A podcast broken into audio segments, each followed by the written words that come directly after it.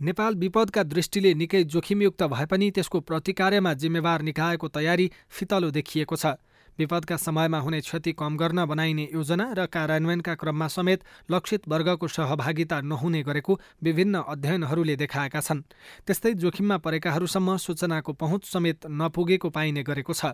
विपदमा परेका महिला अपाङ्गता भएका व्यक्ति गर्भवती सुत्केरी यौनिक तथा लैङ्गिक अल्पसंख्यकहरूलाई समेत एकै स्थानमा उस्तै बासको व्यवस्था गरिएको छ भने विशेष अवस्थामा महिलाहरूलाई उपलब्ध हुनुपर्ने खानपान पनि उपलब्ध नभएको प्रभावितहरूले गुनासो गर्ने गरेका छन्। विज्ञहरूले विपद लक्षित नीतिहरू अझ प्रभावकारी नभएको बताएका छन्।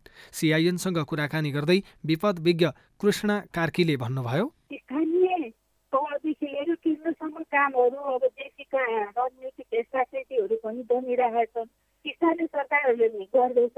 तर जुन रूपमा हामीले यो प्रोटेक्सन क्लस्टर स्थानीय सरकारको सामाजिक विकास शाखालाई बलियो बनाउने कुराहरू छ त्यो बलियो नबनाउन्जेलसम्म चाहिँ त्यो लैङ्गिक समानता र सामाजिक समावेशीको कुरा चाहिँ विगतको समयमा अझै पनि ग्याप हुन्छ यसको कार्यान्वयनको लागि मुख्य चुनौती चाहिँ के देख्नु भएको छ यहाँले? सबैभन्दा ठुलो अब चुनौती भन्दा नि पोलिटिकल विलिङनेस इच्छा शक्ति चाहियो कि? मेरो नगरपालिका अथवा गाउँपालिकामा त्यहाँ चाहिँ त्यहाँको कार्य समिति त्यहाँको परिषद त्यहाँको लिड लिड गर्ने नेतृत्व वर्गले के सोच्नु पर्यो भने यो विपदको बेलामा सबैभन्दा जोखिमपूर्ण समुदाय भनेको यिनै हुन् महिला हुन् महिलामा को हुन्छ?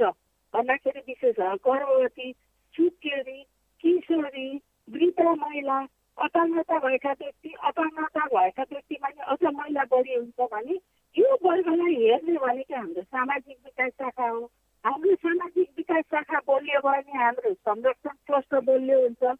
हाम्रो क्लस्टर बलियो भयो भने चाहिँ यी इस्युहरू जति पनि सवालहरू ग्यापहरू आएको छ त्यो ग्यापहरूलाई चाहिँ उनीहरूले सुनिश्चितता गराउँछ ग्यापहरूलाई हटाउनलाई र क्षमता अभिवृद्धि गर्ने अगाडि जान सकिन्छ भन्ने हुने भएकोले पहिलो कुरा चाहिँ मैले धेरैवटा स्थानीय तहमा जाँदा उहाँहरू राम्रो छ भन्नुहुन्छ। तर खोइ त तपाईँहरूको प्रतिनिधित्वहरू के छ त भन्दाखेरि कम छ। सर हालेकै छैन।